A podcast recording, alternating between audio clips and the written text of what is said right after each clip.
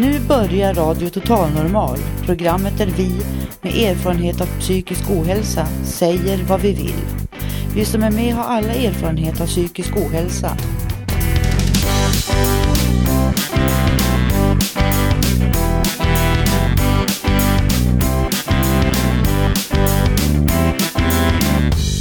Du lyssnar på Radio Total Normal 101,1. Totalt normalt. Radio Total Normal torsdagar från två till halv fyra. Vi livesänder med publik från Götgatan 38 i Stockholm. Här är alla röster lika värda.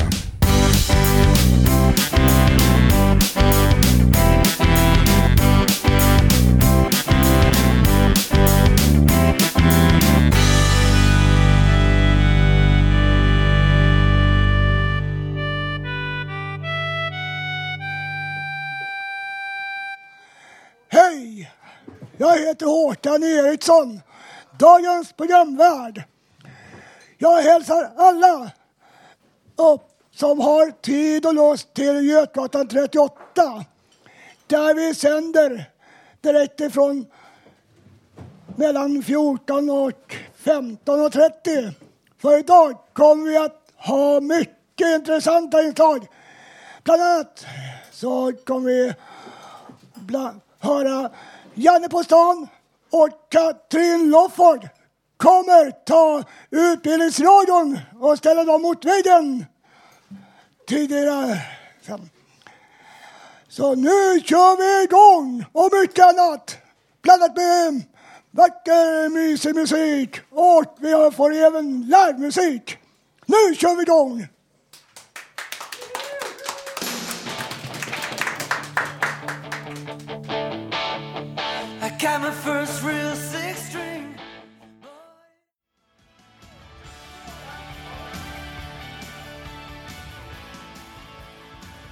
Ja, först ut i dagens program det är Katrin Lofford och Lisa som ska ge sin syn på URs tv-kanal. Lite grann på de tänker göra som programserie om psykiatrin och de vill ha med oss på Radio Total Normal. Här. Det ska bli intressant. Varsågod!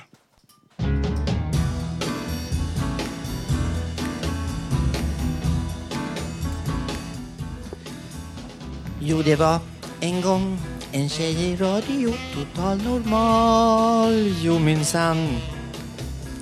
Hon pratade bra och TV kom och sa nu ska vi se om vi kan. Det handlar om att filma RTN och oss som gör vårt program. Men aj, aj, nej, nej, nej, det får ej bli något fy och skam. Ja, hörni. Åh, tack, tack. Det där med att sjunga, det är annars inte min grej, men eh, pröva kan man ju alltid, eller hur? Ja. Eh, det är ju smickrande att UR kanske väljer att visa våra talanger här i så fall. Jag tycker panten kan få vara där i bakgrunden. Förresten, gillar ni den rosa panten? Jag tog med honom idag för jag, jag tycker han är rätt käck. Höj Gustav, höj, höj.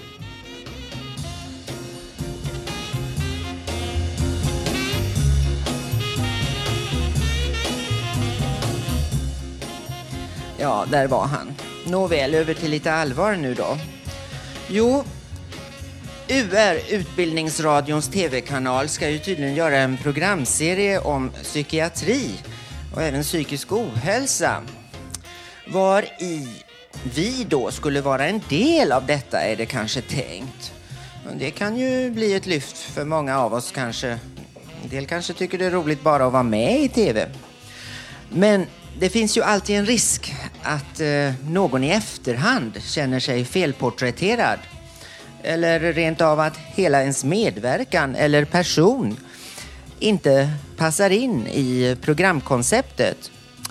Eh, jag har själv en färsk erfarenhet av detta.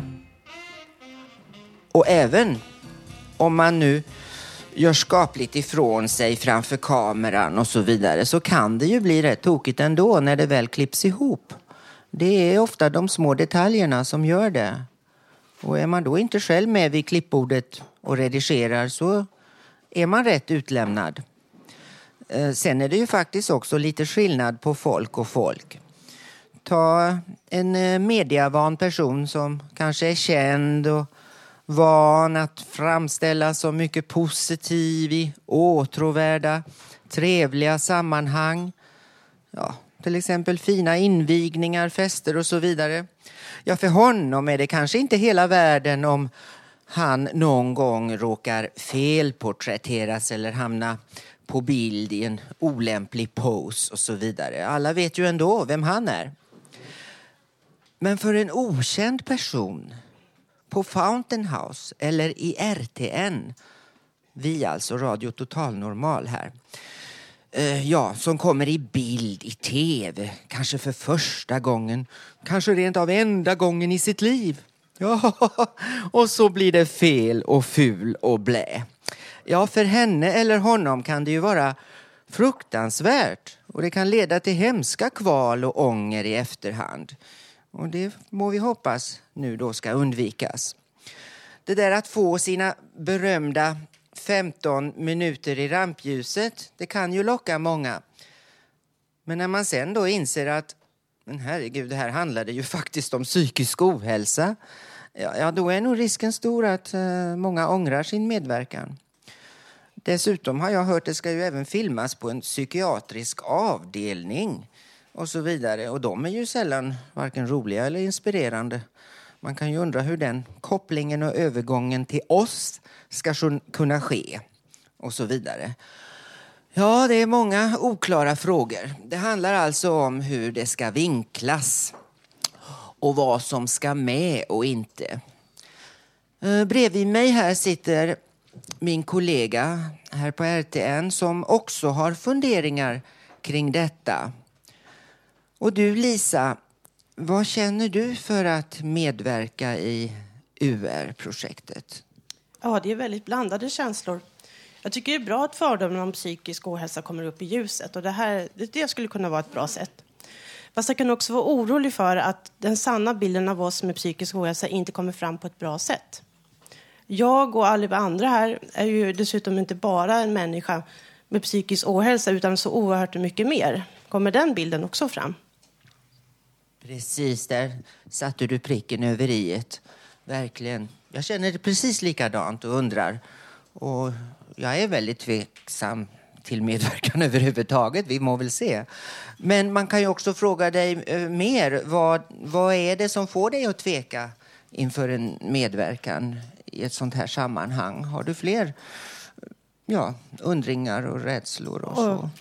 Undrar om det är något som lockar mig kanske också? Ja, framför allt. Det hade jag tänkt avsluta med. Vad, ja. vad, vad, vad lockar dig överhuvudtaget till att vara med i det här? Eh, I UR då, om det nu skulle bli så, då skulle det väl vara att försöka medverka till att en så sann bild som möjligt kommer fram. Så att kanske fördomen av psykisk ohälsa förändras. Ja, just det. Mycket bra, Lisa. Ja, nu har jag, eller vi, kanske skrämt iväg UR här. De kanske tänker, ah, är de så kräsna så får det vara. Jo, men en bra och tydlig kommunikation ifrån början, det är väl en bra början. Och jag ser, de sitter faktiskt kvar här än. Jag tror till och med de håller på att filma oss nu, Lisa. Ja, herregud. ja, hörni. Nästa torsdag kanske vi kan meddela hur det här gick. Uh, nåväl, nu ska vi gå vidare i programmet och uh, ja, ja, just det, ja, det är inte jag som är programledare idag, nej. Men eh, Katrin Loford, det heter jag ändå. Och på återhörande nästa torsdag. Hej då!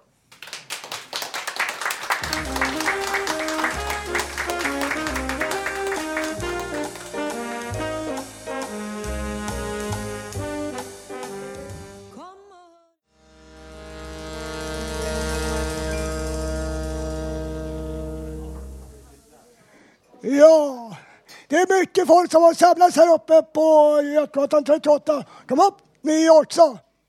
Nu så ska vi höra Janne som har varit på stan och varit frågvis som vanligt. Vår medarbetare Janne Holmbring har ännu en gång varit ute på stan. Den här gången har han frågat folket på gatan om de skulle prata i media om sin psykiska ohälsa och om kampen mot att förändra attityder och fördomar. Här kommer den! Rakt in från Stockholms gator. Nya frågor från Radio Total Normals reporter Janne. Ursäkta, får jag ställa en kort fråga? Får jag ställa en kort fråga bara? Känner damen någon som är psykiskt sjuk? Entschuldigung, Entschuldigung, hallå? Entschuld... Guten Tag. What language you speak? Russian? Ah, eh, Strasvojte. Hur gör du för att få må bra? Ingen aning kompis. Nej, men det spelar ingen roll. Vet du. Om normala människor är tråkiga ja, så tack är jag så mycket. inte tråkig. Ursäkta damen, får jag ställa en kort fråga? Om du själv hade varit psykiskt sjuk, hade du vågat gå ut i massmedia och tala om det? För att för, för att på ett syfte då att du kanske kan få bort fördomar för en hel grupp människor? Vågade du det? Ja, kanske. Varför inte? Om det är någon nytta av det eller sånt så. Det beror på. Jag har inte tänkt på det, så det kommer så plötsligt. Så. Jag tror att det är lättare då man har en somatisk sjukdom och våga tala med just psykiskt, att det är lite tabubelagt fortfarande. Det är det, tror jag. Ja. ja. Ja, nu, nu har jag ju inte haft det så det, det är svårt att säga men jag hoppas att jag skulle våga göra det. Och vad- tycker att, em, att psykiskt sjuka som grupp, att vi har fördomar mot oss? Onödiga fördomar? Det tror jag är mycket möjligt. Det beror väl på okunskap. Ursäkta dam, får jag ställa en kort fråga? Ja, ja, du vill inte svara det är frivilligt allt. Om du hade haft en psykisk sjukdom Ja. och för ett gott syftes skull gått ut och talat om det i massmedia för vårt fördomar mot dig och dina eh, jäm, skulle du våga göra det då? Jag vet inte om jag skulle våga det. Men varför skulle du inte våga det? Vad, vad, vad är du rädd för då? Att du... Nej, men överhuvudtaget så har det med integritet att göra. Överhuvudtaget. Ja. Men, men om vi säger så här, jag vågar. Och, ja, fler, om vi säger gnuerna går över ko- krokodilfloden. En gnu måste börja för de andra gnuerna ska efter va? Ja, ja okej. Eh, nej, jag, jag vet faktiskt inte hur jag skulle ställa mig till det själv. Du är läkare? Nej. Sjukvårdspersonal? Ja. det förstod jag, det anar jag. Varför det? Jo, jag känner igen, jag jobbar själv som vårdare Okej. sjukvårdsbiträde. Ja. Okej, ja det, Ha det bra då. detsamma. Tack. Ursäkta dam, får jag ställa en kort fråga? Eh, speak English? What do you speak? Euh, Français Oui. Je voudrais, euh, s'il vous plaît, mademoiselle ou madame, je voudrais euh, euh, demander une question. La situation, si le- la situation est comme ça, que vous avez une maladie nerveuse, vou- voulez-vous parler de cette, cette chose en radio, à télévision? Oui, oui. Oh, oh oui, vous, êtes- vous avez beaucoup de euh, courage. Ah. Vous avez bon coup, mais vous, vous avez une bonne santé. Bonne santé. Merci beaucoup, mademoiselle. Ok, au revoir. Bonne journée, bonne journée. De här två eh, belgiska damerna, ena damen som jag intervjuade med mörkt hår, hon, hon sa att hon skulle ställa upp på en intervju i, i, i radio och tv för att för en bra, eh, ett gott syfte för att få bort fördomar. Så hon hade mod, jag sa det, Le Courage, Motter Courage. Det var en pjäs som vi fick se som barn och ungdomar för att vi skulle få courage, mod. Hon var väldigt positiv, hon var inte rädd för, för allmänhet, alltså radio och tv. Det tycker jag var fantastiskt. Ursäkta damerna, får jag ställa en kort fråga? Eh, om du hade haft en psykisk sjukdom, hade du vågat för ett gott syftes skull, för att få bort fördomar mot dig och din grupp, skulle du våga tala om det i radio och tv som vi gör här? Ja, det vet jag inte. Jag hoppas att jag skulle våga. Om du haft ett annat handikapp där, rullstol, eh, syn, hörsel, vad du vill. Hade du gått ut då? då? Ja, då hade jag kunnat. Vad är det för skillnad med psykiskt och, och kropp? Nej, du har helt rätt. Det borde inte vara någon skillnad. Ja, vad bra. Tack så jättemycket. Hej då. Ursäkta, får jag ställa en kort fråga? Om du hade haft en psykisk sjukdom, hade du vågat gå och tala om det i massmedia då? För att, för, med syfte att få bort fördomar mot dig själv och dina ko- medmänniskor? Nej, det skulle jag inte kunna göra. Har du haft problem själv med psyket? Nej, men... Om du hade haft ett annat handikapp, rullstol eller ögon? Det skulle jag göra. Vad vad är det för skillnad mellan psyk psykiskt och somatiskt? Eh, Det är kanske arbetskompisar och omgivningen eh, eh, stöter bort människor kanske på något annat sätt. Ja, men varför gör man så? För att eh, Eh, man måste ju uppleva själv den där, tror jag. Man måste ju vara sjuk själv för att acceptera den andra. Jag tycker att eh, det är fel att eh, tycka så. Att människor stöter bort eh, eh sådana som är lite svagare och sjuka och sådär. Men eh, det är människor och så, det är människors svaghet att stöta bort eh, den som är svaga. Hur, ska du, hur tänker du göra för att få bort de här orättvisorna? Ja, det kunde jag göra allt. Jag kunde göra allt. Okej, tack så mycket. Mm. Tack. Ursäkta dam, får jag ställa en kort fråga? Eh, om du hade haft en psykisk sjukdom, hade du vågat gå ut i massmedia och tala om det för att få bort fördomar mot dig själv och mot dina medmänniskor om de, om de också hade en psykisk sjukdom? Ja, det kanske jag skulle göra för det skulle hjälpa ganska många i samma situation men det skulle vara ganska jobbigt. Alltså det krävs ju väldigt stort självförtroende tror jag för att eh, klara det. Men jag tror jag skulle göra det för att hjälpa andra liksom. Får jag ställa en kort fråga? Ja, det, om du hade haft en psykisk sjukdom, hade du vågat gå ut och tala om det offentligt eh, för att ha ett ädelt syfte, kanske få bort fördomar mot det? det? Ja. Hade du gjort det Det är då? väl för min del, ja. Ja, det är väl bra, då vågar du det. Ja. Ja, bra, tack för svaret. Tack. Han var cool, säger man. Han var cool. Daddy cool, daddy cool. I'm cool. Vi är coola. Ja, eh, Okej, nu ska jag fråga i publiken här. Det finns rätt mycket folk här. Det är jättetrevlig stämning. Och nu vill jag fråga någon, vem som helst får svara nu då. Eh, skulle ni våga gå ut i massmedia? Det gör vi ju faktiskt. Det har vi, eh, vi gör just nu.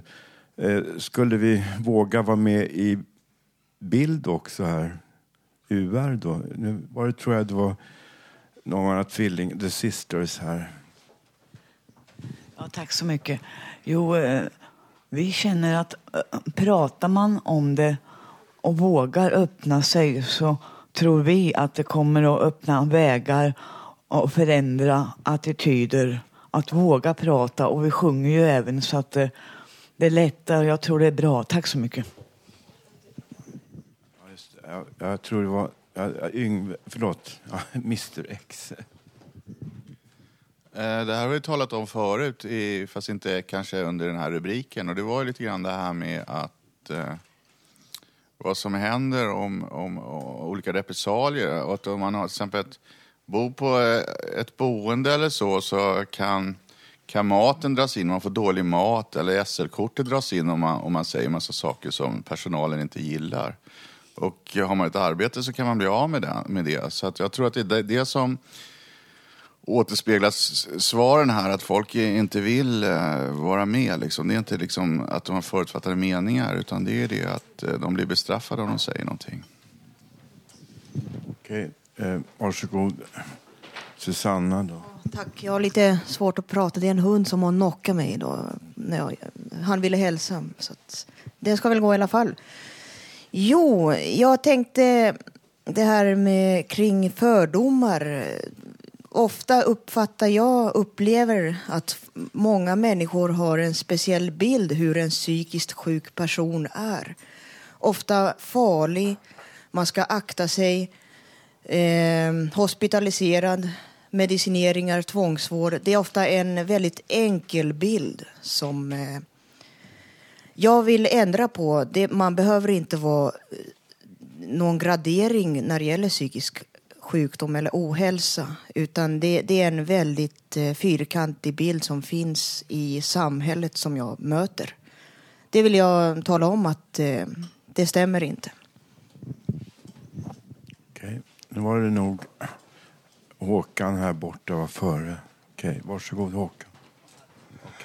Jo, jag har min bild att om man vågar gå ut och tala om hur man upplever sin diagnos när det gäller sådana grejer så tror jag att man får bättre stöd än man alltid har idag som man går till en psykolog eller kurator eller läkare.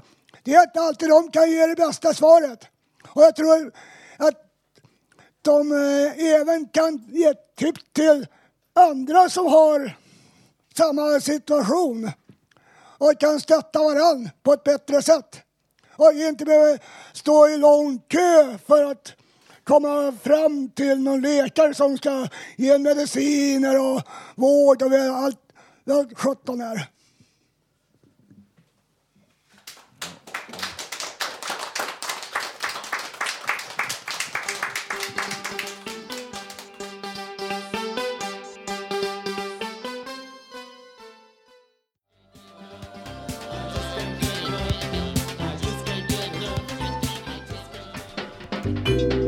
Poesi i Radio Total Normal. Ja, bredvid mig nu sitter Ulf Torell som är ofta är med i Radio Total Normal sändningar med sina egna dikter. Och nu ska vi få höra en av hans dikter. Varsågod. I fredag 2010. Det var vinter. Nu februari. Kanske förra 28. 56. Igår var eh, torsdag. Bor i Hammarbygden. Fått jag reste när jag var ung. En tid sedan 1969 till 70. Jag var på båten, kom till engelska två årtal kanalen. Dessutom platsen Panamakanalen. Jag var i Europa på en Sydamerika i Hamburg, Tyskland, Antwerpen, Belgien, Kotka, Finland. Men nästa månad i mars, midsommar var juni. Nej, 2010. Lucia var december. Natt, morgon, morgon, kväll. Månen lyser, stjärnan blinkar. Kanske nästa år, 2011. Ulf fredag 12 januari.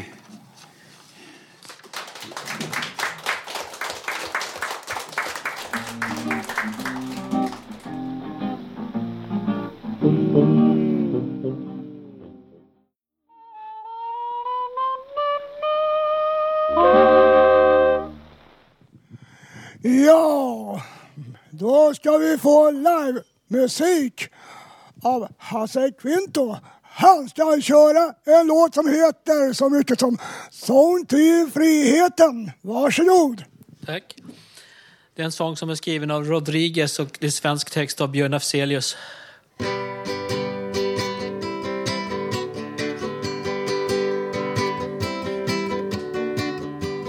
Du är det finaste jag vet.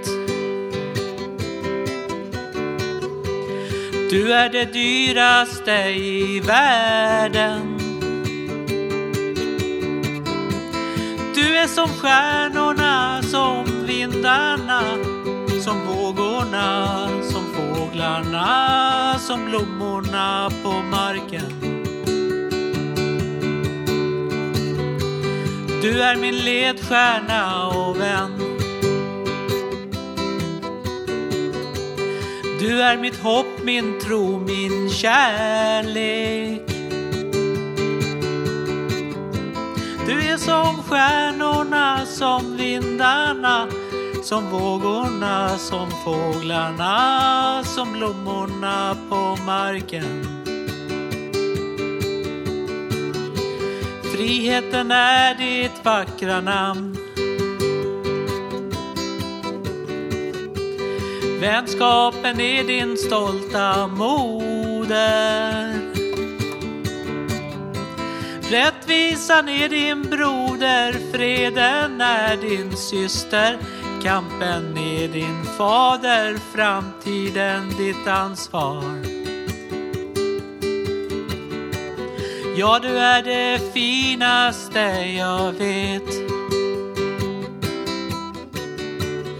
Ja, du är det finaste jag vet.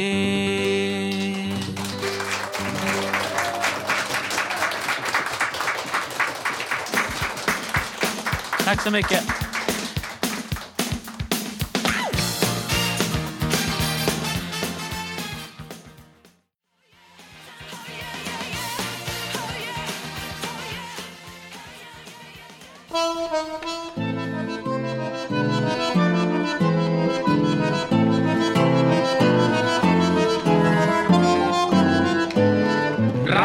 Total Normal.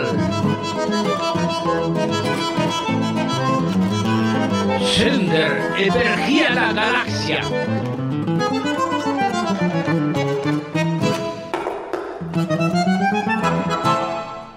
Ja, då ska vi ha ett debattinlägg som heter Vi vill, vi är med. Och den som debatterar det är Robert Navestam. Människor i gemen. Människor i gemen, de har väl inga fördomar mot oss. Vanligt folk, det tycker väl bara att vi är lite annorlunda. Men att vi annars är som det. Det ser på oss som någon som inte vet vad de vill. Att vi är svaga, otvättade, oduschade. Dålig hygien alltså. Vilket naturligtvis kan vara ett problem. Det kan ses, det kan ses som någon som har ett nära förhållande till sin moder eller fader ännu i vuxen ålder. Att inte någon av dessa parter kan låta släppa taget. Att, att vi alla är vad vi är, men ändå annorlunda. Visst förstår vi alla att de inte har kunnat bygga upp ett liv till, till sig och till sina barn. Att, det, att, som är bra för dem och som är riktigt. Då skulle det inte tillåtas att ha några barn naturligtvis. Men detta är ett kontroversiellt antagande och ställningstagande. Det är ett starkt ställningstagande att säga så rakt att så här borde vi göra. Visst, det kan tänkas göra ont att säga så direkt. Att så borde det vara. Visst är det ett ställningstagande som tar ställning för den förändringsbara och utvecklingsbara människan. Det är ett ställningstagande som säger det är inte kört. Det går att ändra saker och ting. Det är nog så att människor som oss, vi tar om vi kan och orkar ställning för att vi också ska få rätten och möjligheten att förändra oss och att utvecklas. Och vad, vad skulle vi annars göra? Något måste vi ha som mål och möjlighet för att inte tappa ton, tron och taget alldeles helt. Vi vill vi med. Det är så får ni förstå. Vi vill vi med. Människor i gemen, de har inga fördomar mot oss, säger de. Vanligt folk, det tycker väl bara att vi är lite annorlunda. Men att vi annars är som det. De ser på oss som någon som inte vet vad, vad vi vill. Att vi är svaga rent psykiskt, ofta fysiskt också. Otvättade, oduschade, dålig hygien alltså. Vilket naturligtvis kan vara ett problem. De ser på oss som någon som har ett nära förhållande till sin moder eller fader ännu i vuxen ålder.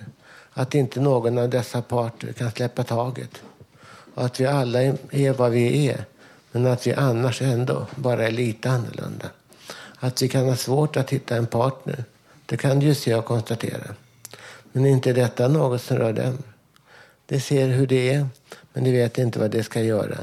De vet inte hur det ska kunna ge den drabbade eller det drabbade en enkel puff i ryggen i rätt riktning. Det kan vara svårt att lösa deras problem. Det är ofta lätt att inte förstå vad som är fel, att bara hånande säga Vad ska vi med den dåren till? Hur kan han vara si eller så? Hur kan det vara som det är? Människor i gemen, de har väl inga fördomar mot oss. Vanligt folk, det tycker väl bara att vi är lite annorlunda. Men att vi annars är som det. Det ser på oss som någon som inte vet vad vi vill. Att vi är svaga, otvättade, oduschade, dålig hygien. Vilket naturligtvis kan vara ett problem. Det det de facto säger det är att vi måste göra något åt vår situation. Annars får vi inte vara med. Människor i gemen, de har väl inga fördomar mot oss. Vanligt folk, det tycker väl bara att vi är lite annorlunda. Men att annars är som det. Det ser väl på oss som någon som inte vet vad de vill. Att vi är svaga, otvättade, oduschade. Dålig hygien alltså. Vilket naturligtvis kan vara ett problem. Det är inte så enkelt att bara, att bara göra si eller så. Även om det kan synas vara enkelt. Att bara göra si eller så. Det är lika svårt för oss som det är enkelt för er. Det som för er inte är något problem, det kan synas vara ett oöverstigligt hinder för oss. Ändå måste ni försöka följa oss, vara med oss och hjälpa oss att våga. Tack för ordet, Robert Magnusson.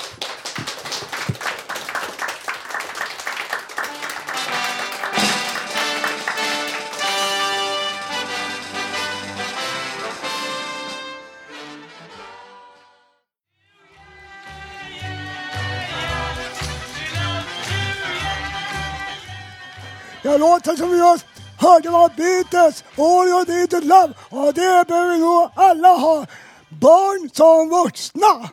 Ja, här har jag Monica Johansson som ska läsa en dikt för oss. Den här dikten skrev jag för dig, min kära dotter. Jag är så glad att du finns. Jag älskar dig. Din mamma. Det var en gång en mor och hennes dotter. De hade inte setts på många, många år. Ja, faktiskt hade de inte träffats sedan den dag då dottern föddes. Men nu så stod de här, två vuxna människor, två vuxna kvinnor, var och en i sin värld. En gång i samma kropp en gång samma individ. Kvinnan tänkte, idag som i denna dag är, ser jag en egen individ framför mig, en som inte sitter samman med mig. En person med egna tankar, drömmar, funderingar och som inte har ett dugg gemensamt med mig, mer än att jag en gång födde henne. Så tänkte modern då hon stod här inför sin nu vuxna dotter. Hon tänkte, jag vet nu ingenting om denna individ. Jag vet lika lite om denna flicka som vilken främmande som helst. Inte konstigt, vi har inte träffats på hela livet. Modern och dottern tittar på varandra. Tog i hand, dröjde kvar i handslaget, kände, ja, vad kände de? Vad kände de? De sa ingenting. De stod där och höll varandra i ett fast handslag. Länge. Modern böjde sig fram och smekte dottern på kinden, över håret. Hon lyfte båda händerna och lade dem runt sin dotters huvud smekande hennes ansikte, ögon med sina händer, med sina ögon. Moden famnade sin nu vuxna dotter med händer och ögon gråtande. Hon lät tårarna rinna sakta stilla. Hon lät tårarna rinna sakta stilla nedför kinderna fortfarande ömt hållande om sin dotters huvud. Dottern var stilla, tittade på modern frågande. Dottern rörde sig inte. Moderns tårar rann längs kinderna, alltjämt smekande dottern med sina händer, med sina ögon. Tiden hade stannat, tiden stod still. Någon gång någon gång, kanske långt senare, fastnade mode... Nej.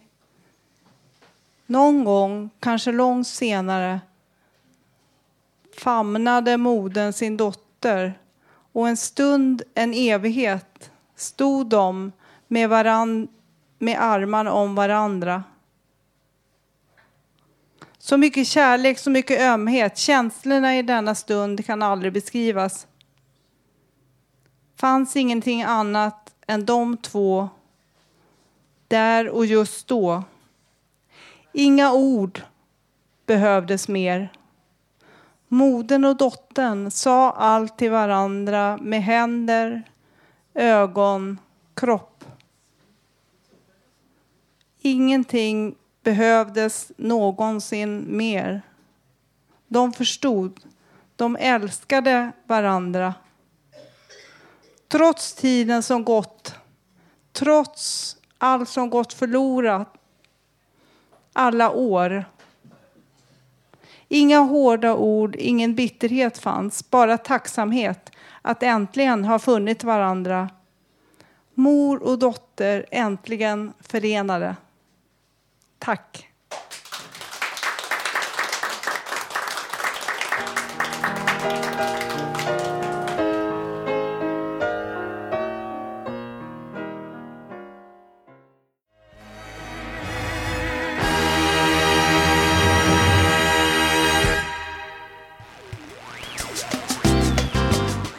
Radio Total Normal, nästan ett program som alla andra. Enda skillnaden är att vi som gör programmet har erfarenhet av psykisk ohälsa.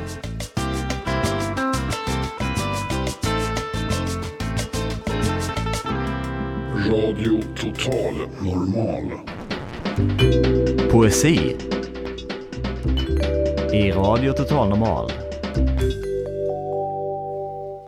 Ja, jag ska läsa en dikt som jag har fått inspirationen utav Evert Taubes låten Brevet till Lillan. Och här är då en flicka som ligger ensam. Och eh, hon skriver så här. Pappa, kom hem snart. För sommaren är slut. För jag har lärt mig simma. Och minns du alla fåglar som gled på vattnet utanför vår tomt? De har fått ungar. Och alla träd som vi två planterade, där är det fullt med äpplen och päron. Och mamma och jag, och jag har satt potatis så nu kan vi äta färsk potatis var dag. Och pappa, det här brevet, det har jag nästan skrivit själv. För nu till hösten så börjar jag i första klass. Så, så jag hoppas du snart är hemma hos oss igen. För alla saknar dig. Speciellt jag som somnar i din varma famn på kvällen och du bar mig till sängen och stoppade om mig. Tack för mig!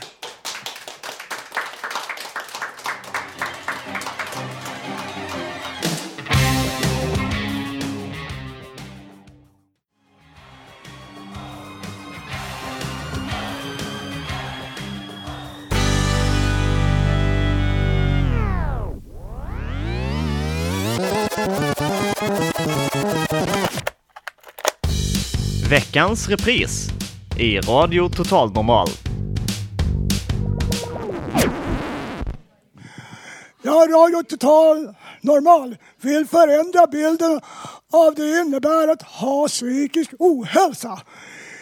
Nu så ska vi få höra en repris från ett tidigare program när vår reporter Karin Lundgren intervjuade Alain Capot om vilka fördomar som finns i samhället med psykisk ohälsa. Alain Tupå är docent i psykologi och forskningsansvarig vid Stockholms universitet. Här är den. Vad är de vanligaste fördomarna kring psykisk ohälsa? Jag tänker jag kan nämna två saker. Två. En av dem som många inte tänker som fördom. Och det är att eh, psykiska problem, störningar, allvarliga är obotliga, eh, kroniska eller någonting sånt. Det, det tror jag är en fördom som är väldigt spridd. Och ett annat eh, fördom är en koppling mellan psykiska problem och våldsamhet, aggressivitet. Och det, det är de två kanske vanligaste fördomar kan jag tänka mig. Eh, hur har synen på psykisk ohälsa förändrats genom åren? Alltså jag tror att under en, en period så uh, skedde väldigt positiva förändringar. Uh, människor som tidigare hade gömts undan på mentalsjukhusen kom ut. Och eh, många kunde uppleva konkret eh, att det ledde inte till några större problem för omgivningen. utan eh, Eh, och de, den dagliga kontakten mellan människor med psykiska problem och människor som inte har så många psykiska problem, den normala befolkningen som man säger, gör att man, fördomar kan försvinna i den kontakten. Eh, då man får erfara att det inte händer no några märkligheter som folk är rädda ska hända. Eh, så det tror jag pågick under en längre tid. Men sen inträffar någonting som jag tror inträffar mest i massmedierna. Och det är plötsligt en eh, oförklarlig koppling mellan eh, psykiska problem och våld. Det är naturligtvis en del oerhört tragiska händelser som inträffade lite tätt på varandra. Men tittar man statistiskt sett så har inte eh, våldet ökat eh, till följd av att människor med allvarliga psykiska problem har skrivits ut från mentalsjukhusen. Utan det är konstant. Men massmedierna drev på den kopplingen och eh, skapade fördomar tror jag. Sen har psykiatrin stått för den andra fördomen. Det är fortfarande inte ovanligt att eh, läkare inom psykiatrin säger till patienten att de har eh, fått en diagnos som heter till exempel schizofreni och att den diagnosen är obotlig.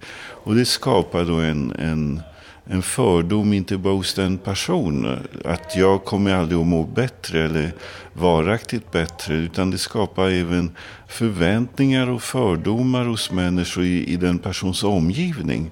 Och ute i samhället, eh, bland människor, där ordet schizofreni till och med blir oerhört skrämmande. Så att mm, jag tror att det, det skedde en förbättring under 80-talet, 90-talet, kanske ett tag under 90-talet. med att vi har gått tillbaka på senare tid. Det är det här att man tror att eh, psykisk ohälsa betyder att människor är farliga. Eh, mm, jag tänker på mordet på, på Anna Lind till exempel. Där är vi en vändpunkt där. Det, det, är en vändpunkt. Det inträffar flera sådana fruktansvärda händelser där människor som har varit i kontakt med psykiatrin eh, är, är delaktiga i huvudaktörer i. Men eh, det är också hur massmedierna använder detta tror jag som skapar Eh, en, en, gigantisk backlash när det gäller fördomar. Därför att det finns ledande forskare som Martin Grant till exempel som går ut i massmedia och påtalar att detta är ingen ökning utan det är en försvinnande minoritet av människor som har psykiska problem som begår våldsbrott. Och det är ofta kopplat till narkotika också. Eh, när det inträffar. Men de våldsammaste människorna, alltså de flesta våldsdåd i vårt samhälle görs av människor som har inga som helst psykiska problem, ingen kontakt med psykiatrin. Men det försvann, utan det blev brasklappar, alltså stora nyhets Uh, inslag i alla former av massmedia som kopplade psykiska problem med, med våld. Det finns ingen grund för det och därmed är det en fördom. Hur är det med, eh, man skriver ju ofta ut mediciner här i, i Sverige, är ju det vanligt. Hur ser du på det? det är det också någon fördomsfull inställning hos läkare och vårdpersonal?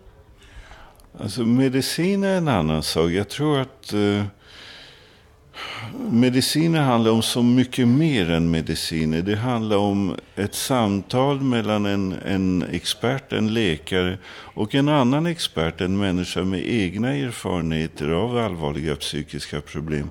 Och att man tillsammans, om man ska arbeta evidensbaserat, måste komma fram till det önskvärda vägen och prova sig fram. Och då finns det patienter som, som vill ha mediciner och det finns ibland svåra situationer där medicinen kan innebära en, ett viktigt inslag i en behandling. Det som kanske är en fördom det är föreställningen att alla människor som kommer i kontakt med psykiatrin ska ha mediciner. Och ibland ska ha medicin under väldigt lång tid och ibland i ganska märkliga doser om jag får säga så. Märkliga kombinationer där man inte tar så mycket hänsyn till biverkningar. Där finns en, en ett stort problem och, och jag tror att vi i Sverige kommer om några år att eh, slåss av eh, de biverkningar som även de nya preparaten ger och som idag förnekas lite grann från psykiatrins sida. Hur ska man göra för att få bort fördomar?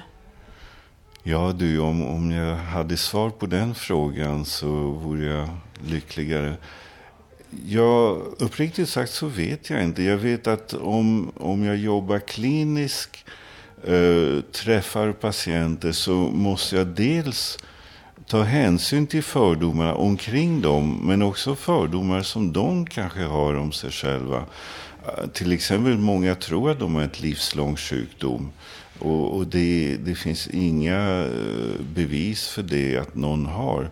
Så det är självklart eh, i det lilla, i det konkreta mötet med brukare, med anhöriga, med folk omkring så kan jag arbeta för det. Sen kan jag försöka mm, både som brukare, som personal och anhörig försöka förmedla till vänner och till mig, mig själv och, och, och andra att Eh, det finns fördomar om det och försöka genom det motverka. Men jag tror i stort så finns det eh, ändå en politisk nivå som inte har med psykiatrin att göra, men med att skapa ett samhälle där folk har möjlighet att arbeta, där folk som inte förmår arbeta får ändå en bra ersättningsnivå så de inte lever i misär.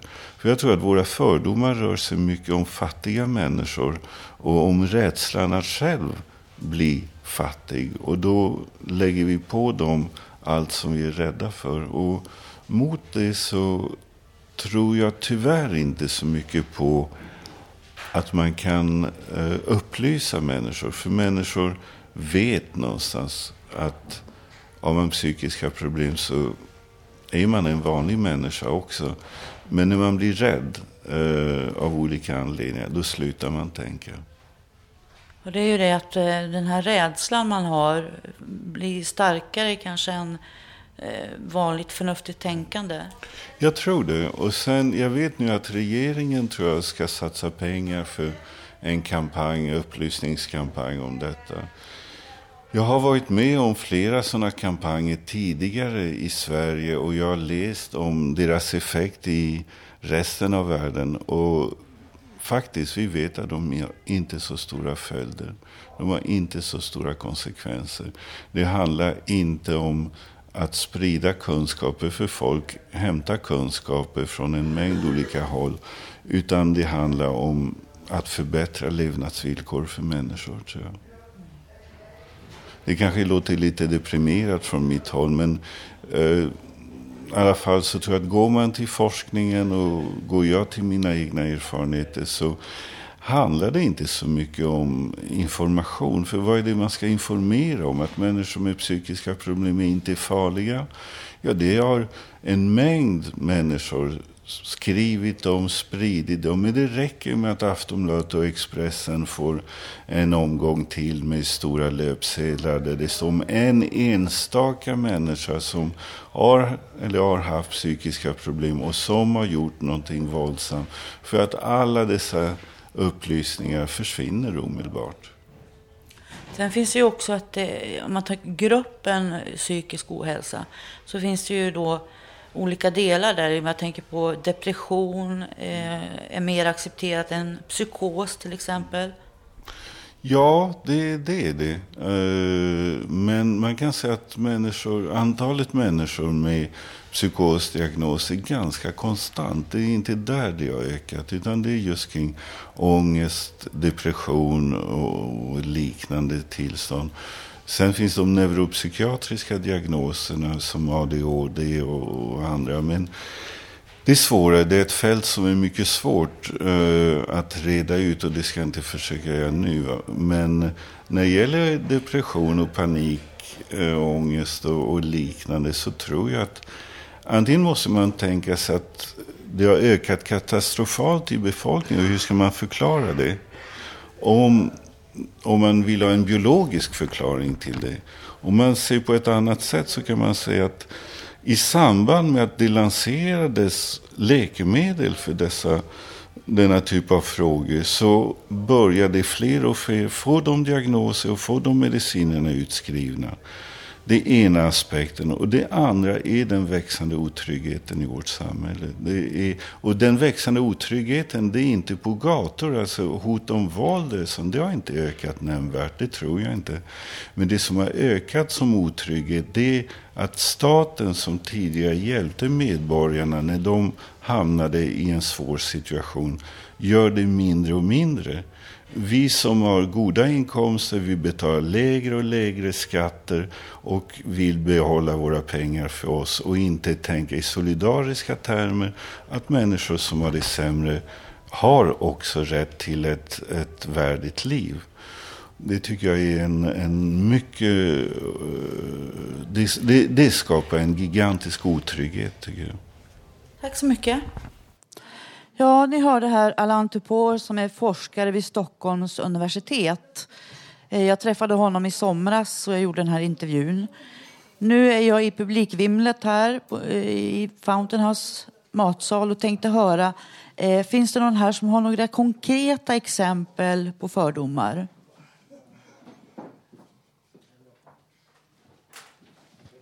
Ja, det gäller det här med farligheten då att Allan Topor pratade om de här spektakulära händelserna. Det är ett antal år sedan och det har ju lugnat ner sig. Och då var det bland annat en man som körde i full fart genom Gamla stan och mejade ner en massa människor. Han sa att gaspedalen hade hängt upp sig och nu har Toyota kallat hem alla sina bilar och det är fel på gaspedalen. Så att, jag menar, han kanske inte var så sjuk som alla trodde.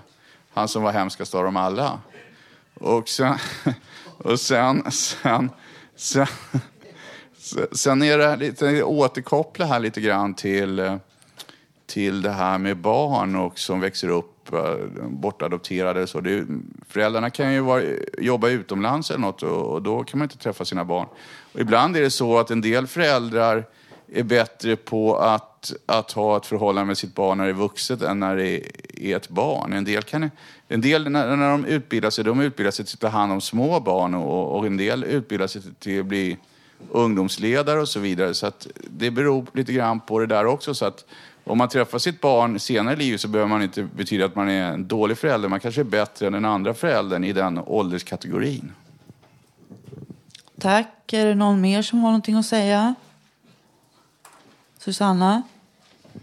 Jo, eh, jag tänkte tala om att eh, ett konkret exempel frågar om eh, jag vill inte nämna några namn eller så, men eh, en bekant, en gammal polare till mig, eh, skulle hämta mig en gång eh,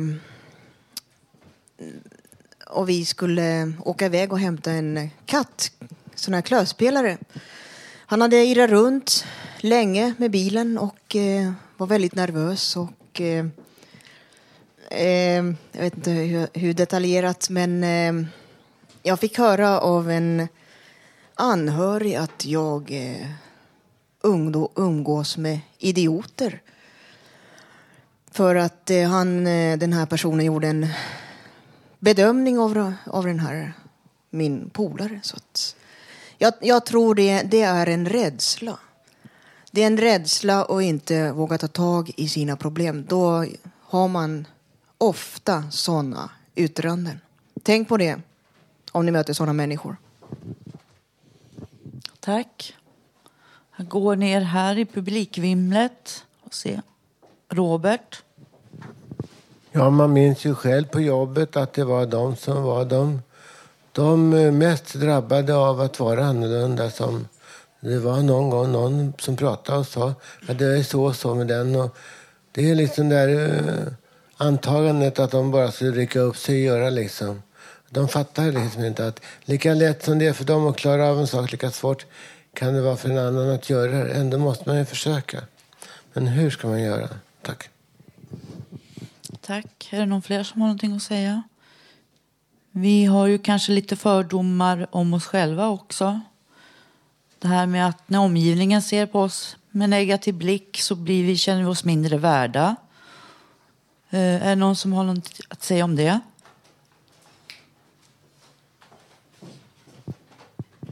Jo, det är att, att man kanske känner sig utpekad om man har haft eh, psykiska problem när man söker arbete och så. Det kommer fram genom gamla journaler och framförallt anteckningar om vad man har jobbat med och sådär, att man var frånvarande och så.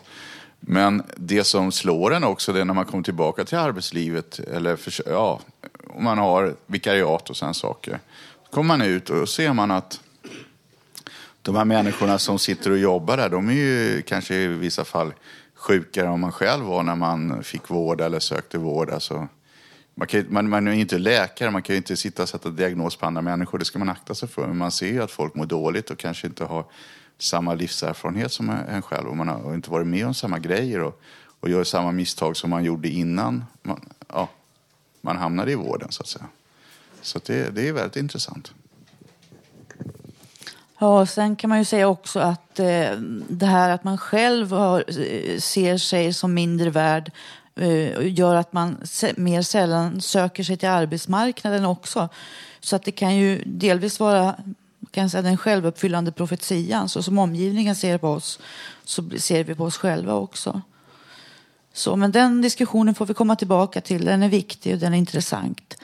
Nu ska jag lämna över till Hasse Kvinto som ska sjunga en låt.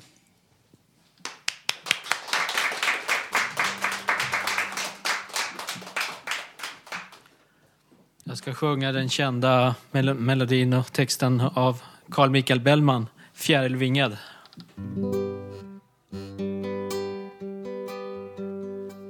Fjärilvingad syns på Haga mellan dimmors frost och dun.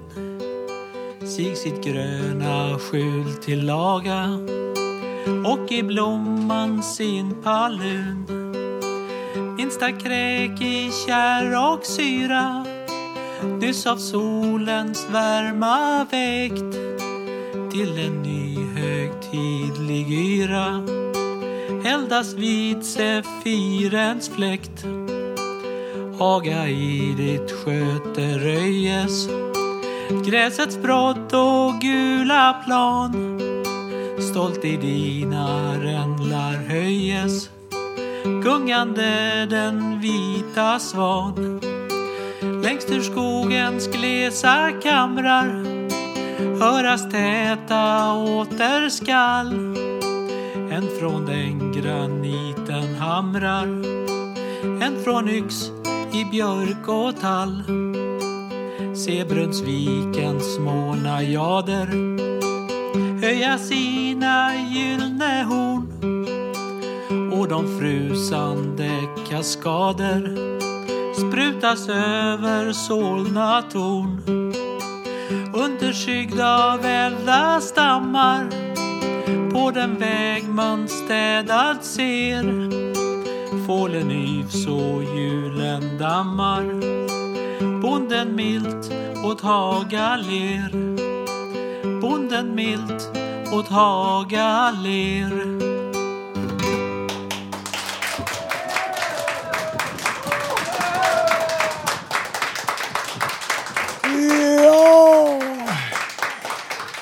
Börjar lida till slut av vårt program. Först så ska jag påannonsera. Vi sänder ju från Götgatan 38. Där kommer de att starta för andra året i rad ett världens minsta lopp som kallas för Kretsloppet. Det startar i Sankt Paulsgatan och springer upp till Götgatan 38. Sankt Paulsgatan. Ja, jag vet. Och det kallas för Ångestloppet. Och vill ni vara med så ring till 714 0160 och anmäl er så fort som möjligt. Ja, Ja, då har vi kommit till vår avslutning för detta program som varit mycket intressanta inslag. Bland annat så har vi hört Lofford, Katrin Lofford som har ställt eh, vår förträffliga radio, eh, Utbildningsradion, som har varit med oss hela dagen mot väggen angående deras eh, koncept, hur det ser ut. Janne har varit på stan och ställt frågan, skulle du prata med media om din psykiska ohälsa och attityder och fördomar? Vi har också hört dikter och livemusik och mycket annat. Vi sänder åter nästa torsdag mellan 14 och 15.30 på 101,1. Och är det så att ni har missat något, gå då in på vår hemsida som har www.radiototalnormal.se Eller vill ni vara med i ett eget inslag så då går ni in på info snabela radiototalnormal.se eller så kan ni slå en signal till 073 670 7248. Och slutordet blir idag Ta hand om er. Vi syns flera gånger. Tack för mig!